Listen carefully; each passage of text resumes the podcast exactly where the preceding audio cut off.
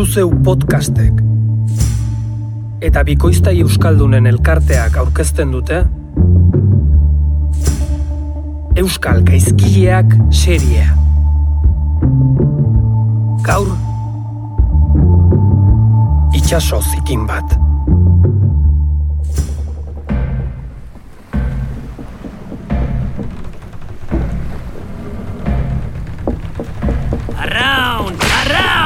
Arraun, putakumeak! I, e, segizak arraunean edo hemen txelarrutuko haut, nazkagarri hori. Eutxiok, Martin! Azken txampan geudegia, biarratxeren hartu alko diago, eutxi!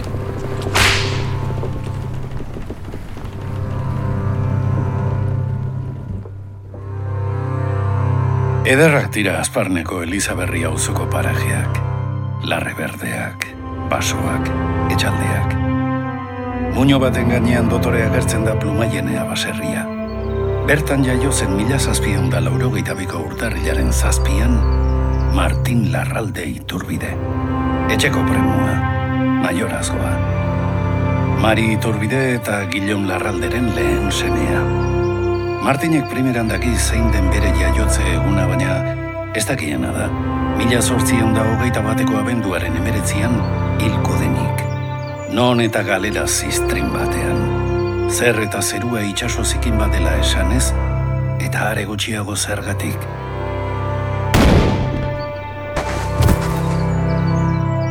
Txikitatik daki Martinek bizitza tristea eta ederra dela. Eta edertasuna zentzu zabalenean, amaren besoetan topatzen du. Tristura, aitaren eskuetatik heltzen zaio. Ama, ama, aitak berriz jo nau. Ene, kotxaua, ene, politxa, zer egin duk pa? Ez errez, ama. Aitak eskatu dit behiei azpiak ateratzeko, eta horretan ari nintzen. Baina ez berak nahi zuen bezala, eta jo egin nau.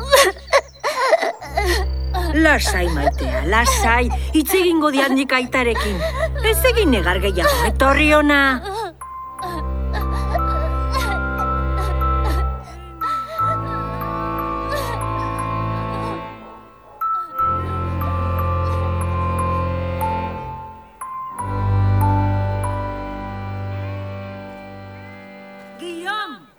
Zer du nik orain? umea egurtu duk?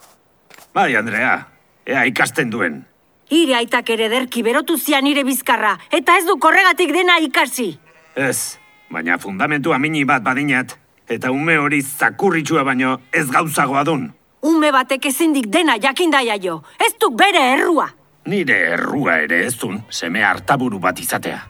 Kasu bat, bordaxuri, hartaburu hori plumaieneako premua duk, ene sortetxekoa, eta berea izanen duk baserria, i hartaburu bat bezainez gauza geratzen aizenean. Horrek baserria eraman, nahiago dinat behorrostikoa kopetan.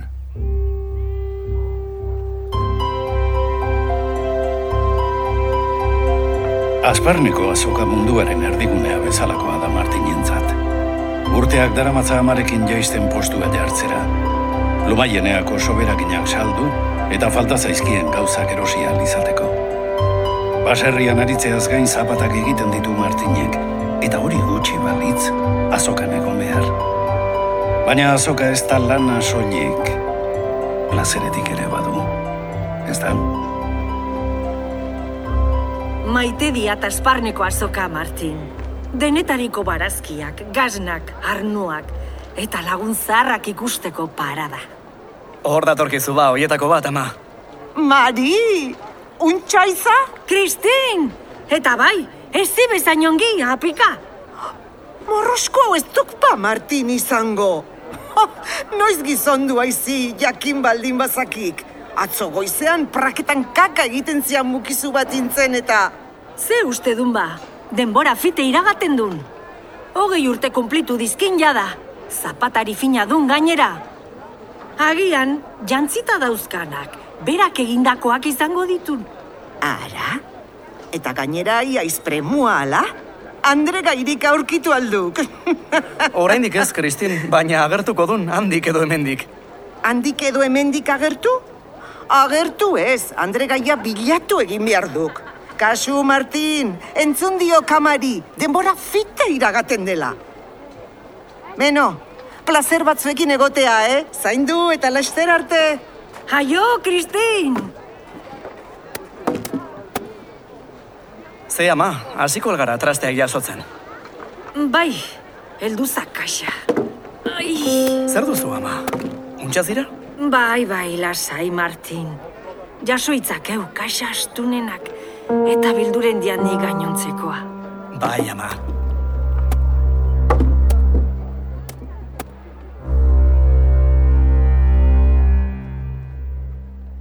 Untza, untza, esan bai, baina Marik bazeraman denboraldi bat oso ahul sentitzen. Deskansatu garren nekatuta. Lo egin arren logale, ondo janarren ahul. Zehazki zertzen etzekien, baina argi zaukan eritasunen bat ari zela bere gorputz osasuntzuaren konkistan, eta apurka apurka eremu berriak ari zela bere ganatzen. Ben egon zen Mari Sarako herrian, eta bertako kanpandorrean irakurri zuen esaldia geroz eta maizago datorkio burura. Oren guztiek dute gizona kolpatzen, azkenekoak du obira tigortzen. Zergatik zu ama. Zergatik zu. Gogorra da zu hiltzen ikustea, baina da errazagoa izan. Azken urtetako zure bizitza. Gaixotasunak nola irensten zintuen antzematea. Jangoikoaren borondateari. Ezin zaiok pizkarra eman. Martin, hautsa gintuan. Eta hautsa izango gaitu. Bizi dena, hil behar delako. Nik ez dut bizi handirik izango ja etxe honetan, zu joan eta gero. Beso bat emango nuke oe honetan etzan da aita egon zedin. Eta ez zu. Ezak gehiago hori esan, bekatu azuketa. Arkere mundura ekarri intuen. Eta harekin ere konpondu beharko haiz. Ni garbi adirazi zioat nire borondatea. Eta respetatu behartik. Plumaienea ene sortetxea duk. Ez berea.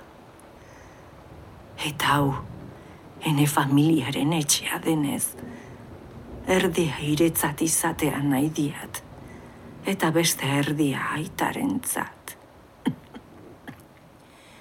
Ik badituko gita urte, ez aiz ezkondu, eta merezidu kabi bat.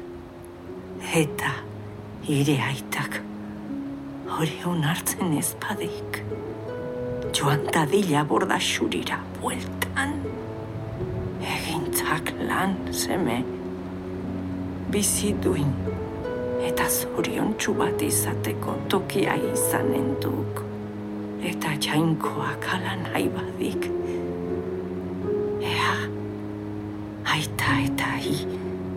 Bakean bizi altzarete. Eskerrik asko ama. Kasu eginen dizut. Mundu guztiak deitzen nau bordasuri, aitaren gatik. Baina nik nahiago nuke plumaienea deitzea. Orain, sekatu malkoak. Eta errezatu ezaioko aita gure bat, hire ama zaharrari. Bada espada ere nire maite.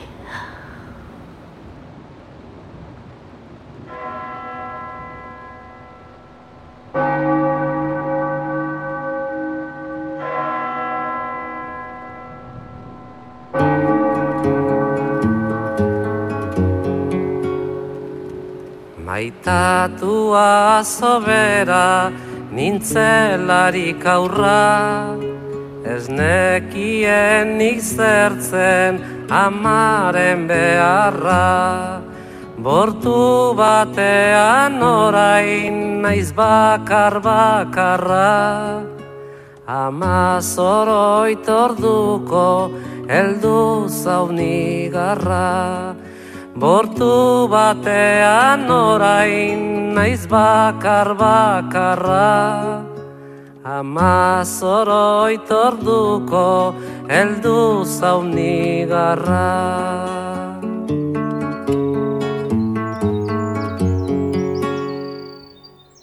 Ama baten utxuneak dena betetzen du.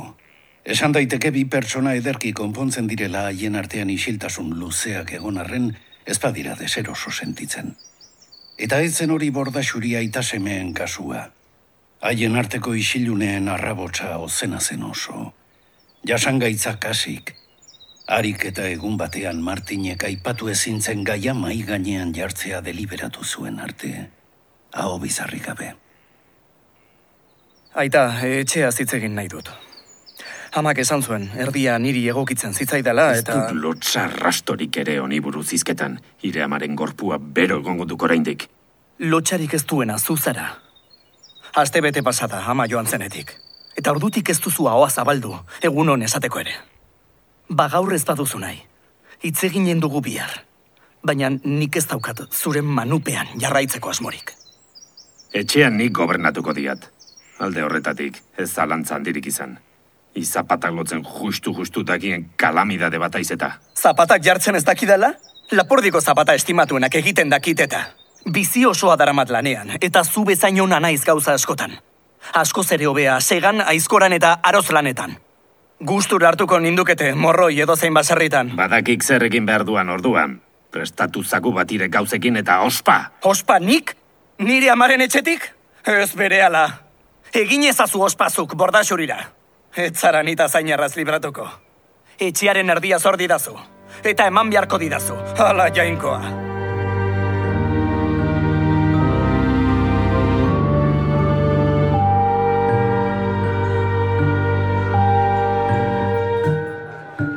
Jan hospital, kaselaren borda etxekoa da. Lumaienea ondoko baserrikoa. Maite du tarteka uzoko ostatutik iragaitea. Arnoa eta lagun zaharrak gustuko dituena beti baitago tabernan etxean bezala. Eta bizitzaz gozatu egin behar da. Bizitzak guztioi egiten baitigu ies eskutatik. Eta Jani uste duena baino gutxiago geratzen zaio. Bena, bena, jaun hospital jaun kontea duketa. Michel, zakurzar hori. Bizirik aiz, hala jainkoa. Napoleonekin Espainetara joan nintzenetik enian nire berririk. Guduan hila intzela entzunian ziburuko portuan. Joan, eraman egin nintuten. Eta frogatu alduan bezala, nire inguruan zabaldutako zurrumurruak neurriz gainekoak dituk. Ezuan xamurra izango gerra de abru hori.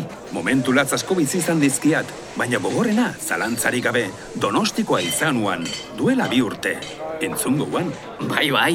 Ingelesek iria sarraskitu eta errezien mila zortzireun damairuko abuztuaren hogeita maikan. Izugarrikeria izanuan, jende asko kiskalita hiluan, eundaka lagun baionetatik pasazizkien, emakume denak bortxatu zizkien. Basakeria, neoizen nian ikusi alakorik euskal lurretan. Eta egia duk, eskuak zikindu zizkienak ingelesak izan zituala. Baina guri ofizialek esan zien, triskantzarako agindua Espainiarrek eman zutela. Broma gutxien orduan. Bai, baina frantsesak nolakoak dituan ere badakik. Ez dituk hainbeste urte amaikarrietako jende atxilotu eta deportatu zutela. Ainoa, azkainez, peleta, itxasu, sara, zudaire... Bai, bai, ikaragarri izanuan. Ez daukak azaldu beharrik. Gure osaba izeba batzuk gertsera deportatu zizkien. Eta gaiztoen artean ankerra errege. Napoleon madarikatu hori ez zuan ez arkume buruzuri bat. Uan? Nola uan? Ez alduk ba gaur ere. Ez alzaik eren egun gertatutakoaren inguruko informaziorik iritsi.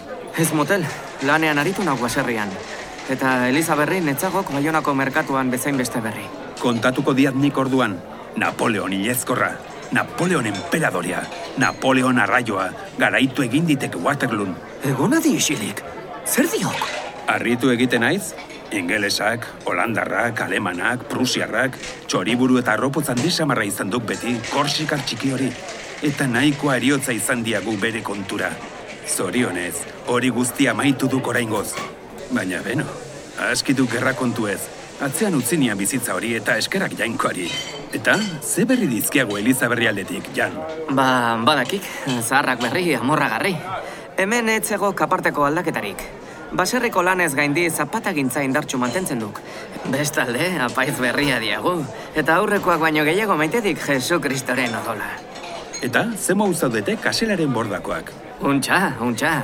Duela gutxi izan diat hirugarren umea, neskato bat. Ei, zorionak, aitatxo. Gazna aski ongi saltzen duk. Eta bestela ba, egun hauetan belarretan egitea tokatuko zaidak. Lan erraza duk hori. Kaselaren bordako lurrak ez dituko oso handiak. Ez, horretan arrazoia daukak. Etxeko lurretako belarrekin hartalde erdiarentzako ere enikek izango behin negua helduta. Orain arte alnian tokitik hartzenian, etxetik apur bat aldenduta, eta soberanek ezaguan. Baina aurten, auzokoak, plumaieneako gilomek, baimena eman zidak bere lurretatik belarra hartzeko. Jada ez omendik behar lehenaina, eta tratu bat egin diago. Plumaienea, horko premiua Martin duk? Bai, Martin Larralde. Puf, haitak eta berak kristorenak eta bi dizkitek etxearen kontura. Zer ba? Duela bi urtea mailuan, Mari Iturbide. Oroitzea izberekin? Azokan postua izan oizian Antuanen ostatu onduan. Bai, bai, gazna bikaina egiten zian emaztearik. Ba, bazirudik amak baserri erdia semearen izatea nahi ziela. Eta aita beste erdiarekin gelditzea. Aita semeak ez dituk inoiz sobera ongi moldatu haien artean. Eta gainera, ama hil ondotik gaur daino, aitak etziok oraindik baserri erdia entregatu Martini. Beraz, lehen ez bazituan ondo konpontzen, orain okerrago. Eta nork emandik belarra mozteko baimena, aitak? Bai, Guillomek. Martin ere eskatu beharko diok baimena orduan. Zertarako? Hor konpon, nien nauk inoren etxeko trapuzikinetan sartu behar. Nahikoa badiat gureekin. Jan, Jan. Sega bizkarrean daramazula erio dirudizu. Ez da planta txarra eri hori harrera egiteko.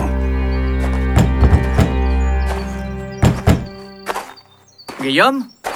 Horra laiz. Egun on, Jan. Goiza torra la jaina? Nahiago diat orain aritu belarretan. Eguardiko bero zapak lepatzea frigitu baino lehen. Ik bai jakin, erorren sega ekarri duk orduan? Bai, bai, lasai. Belarra diat faltan, baina tresnak sobera. Baina ezingo dizkiek ardiei segapotoak eman jateko, ezta? ez, ez dizkitek hortzak hain zorrotzak oraindik. Ederki. Ba, ebaki ezake lorri horretatik aitzin dagoen saila. Eta egarria baduk, sartu etxera lasai, ura edatera. Ura? Arduko por bat ere zaldiago hartuko. Ia izimoko fina.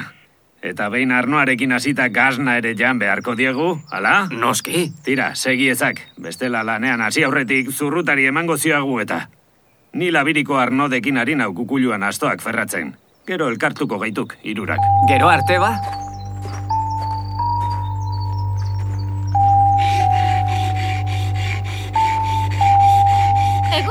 Jan. Baduk lan apur bat, sail guzti horretatik sega pasatu behar baduk. Egun oniri ere, Sofi. Bai, bena ondo gozalduta etorri naiz, eh?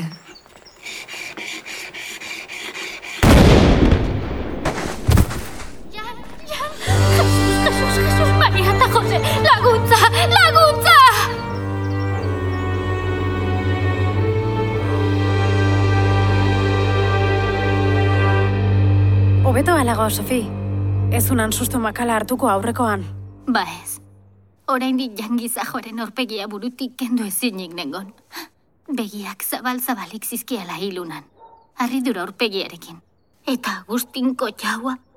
Hain gazte eta largo niru umerekin. Eta gazteena duela bila bete eskaz jaioa. Hori da hori zori gaiztoa. Ta? Zegiro, Elizaberrin. Puf, eskasa. Batzuk goibel eta besteak aserre. Aserre?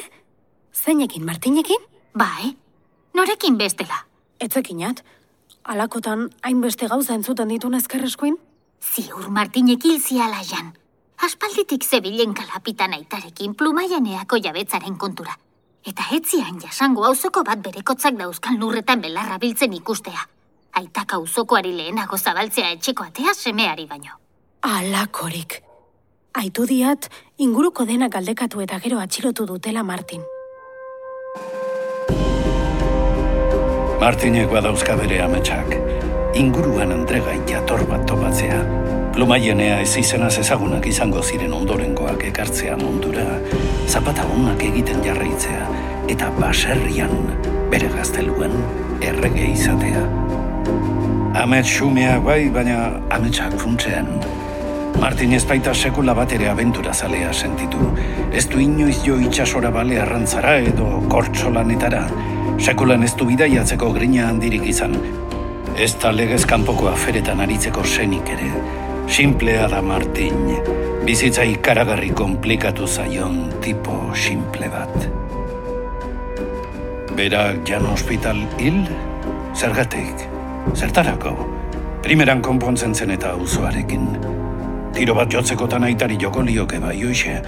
Beno, pentsatu agian bai, baina sentitu behar bada ere, baina egitea beste kontu bat da. Dena dela salduta geratu da Martin, ipurdia gerian.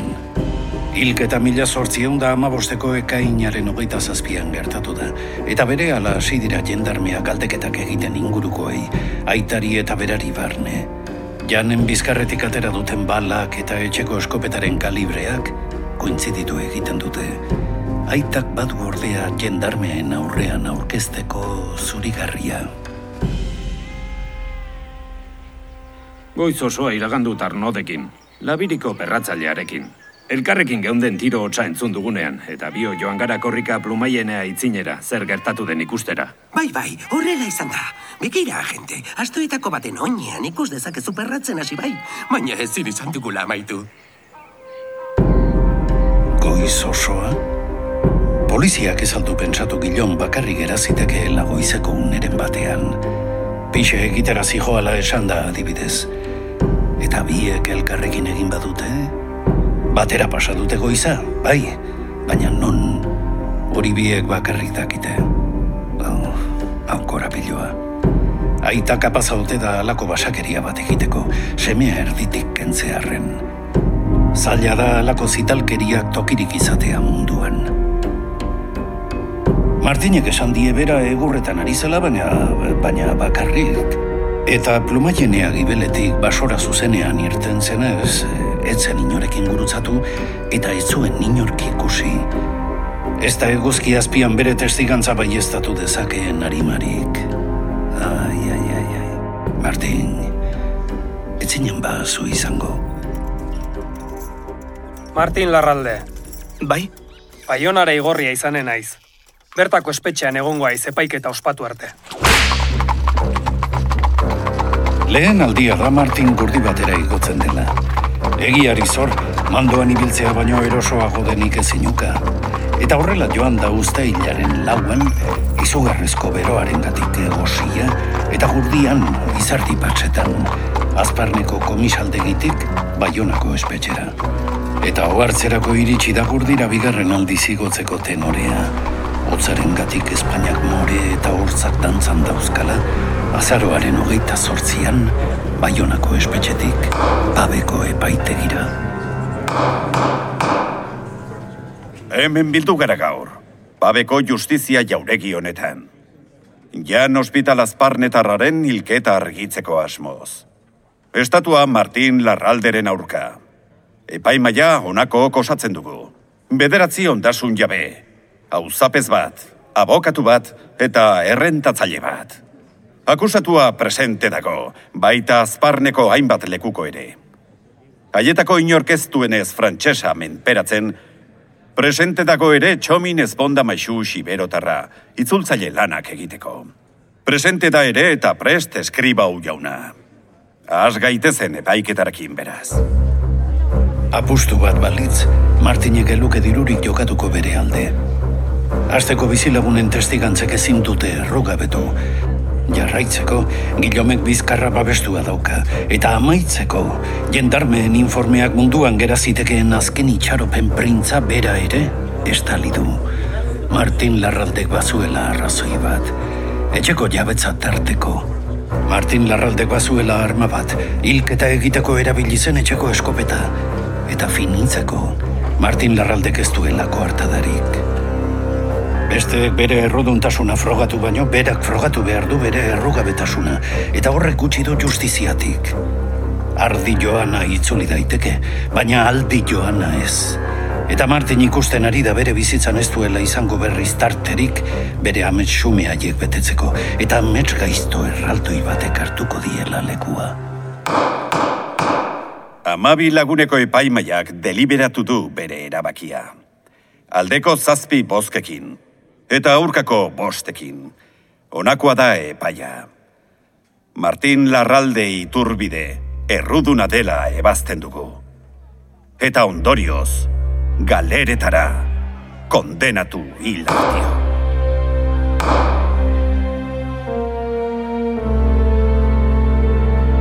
Gauza miserablea da gizakia, bere burua eta urkoa atxilotzeko gai den animalia bakarra.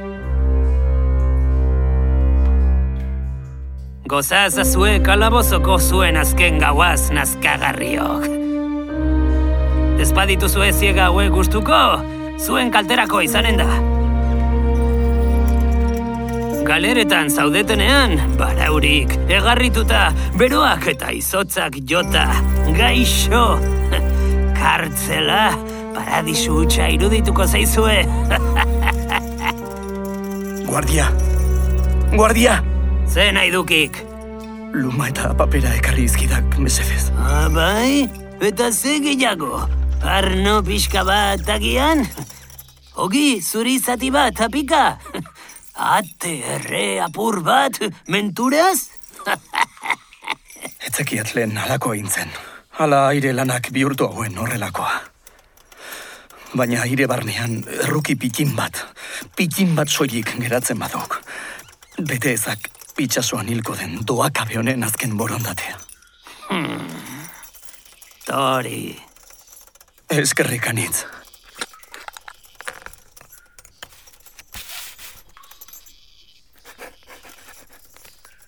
Kantatzera niazu alegera gabe. Ez baitut probetsurik tristaturik ere. Neun ebatxi gabe. Gizonik hil gabe. Sekulakoz galerak enetako dire.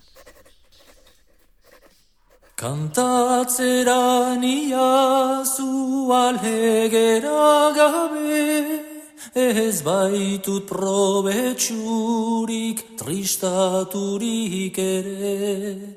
Ni une batxigamben gizonik ilgabe, sekulakoz galerak enetako dire.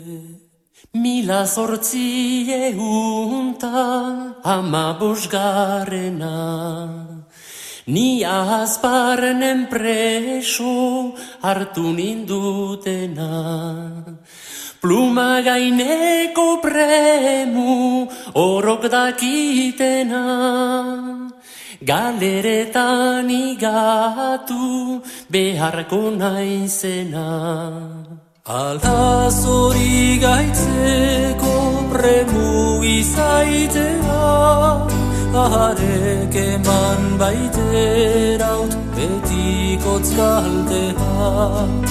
Aitari galdeginik sortzeko partea, Galeretan eman nau hauseduk dotea.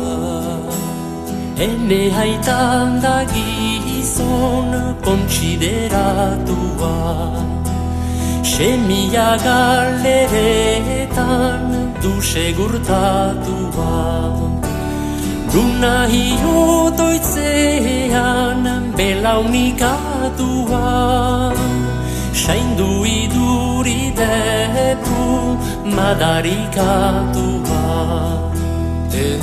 Lehen kusia kadet borda xuri Fagore bat banuke galdetzeko zuri. Ongi adreza zaite ene arrebari Ene saltzeko zon bat ukanduen sari Aita haintzinean ta arreba ondoko Osaba burje sori diru fornitzeko. Ez ordian nenetzat bosei liberako. Galeretan bederen leher egiteko.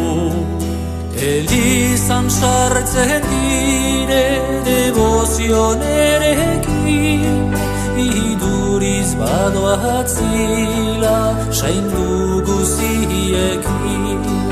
Beren liburu eta arrosarioekin Debruak bestagonik einen du heiekin Zortzigaren bertsua anaiaren dago Kontseilu bat panikek idie maiteko Ontsa gobernadi etzaik dolutuko Ni baitan etxen plua errestu hartzeko. Zuri mintzun itzaizu hoiaita zilarra Ardura dudalarik begian nigarra. Zuretan ere arraza borda xuritarra Galeretan naizenu ni bainiz bakarra. Kantu hauke manditut paueko hirian Burdinez kargaturik oi presondegian. Bai eta kopiatu denbora berean. Oro kantaditzaten azparne herrian Kantu hauke manditut esangrinatzeko Ahagide adiskidek uraie hartzeko. Eta partikulazki aita zuretako. Kantu aukaditzean semia zorroitzeko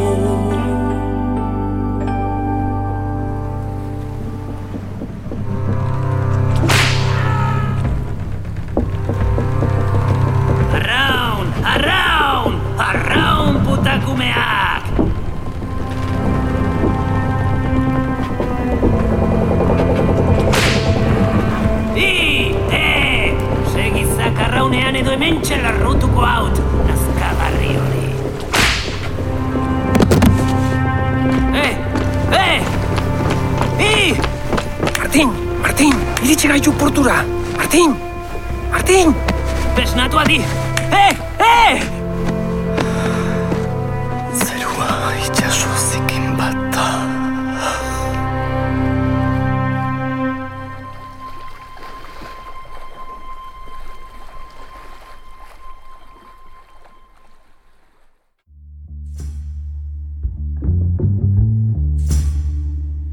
Euskal Gaizkileak seria, zuzeu podcastek eta bikoiztai euskaldunen elkarteak bieusek ekoitzitako lana da. Lantalde handia dago atzean. Zuzendaritza eta gidoia, Peñat Jatxenbarek. Soinu eta musika diseinua, Inigo Etxarri, In Estudioa. Bikoizketa zuzendaria, Xavier Alkiza. Ahotsak. Arrate Hernández, Joseba Sakristan, Nagore Irizar, Mikel Garmendia, Ramon Zalakain, Iker Bengoetxea, Mikel Fernández, Iñaki Beraetxe, Aner Narbaez, Beñat Jatxenbarek, Arantxa Moñuz, Clara Badiola eta Kiko Jauregi. Galerianoaren kantua, Pantxoa Karrere eta Peio Hospital. Eskerrik beroen akaiei ere, bai abestia egiteagatik, bai guri erabiltzen usteagatik. Jarraitu gaitzazu Twitterren abildua gaizkileak eta zuzeu podcast kontuetan edo zure audio plataforma kutxunean.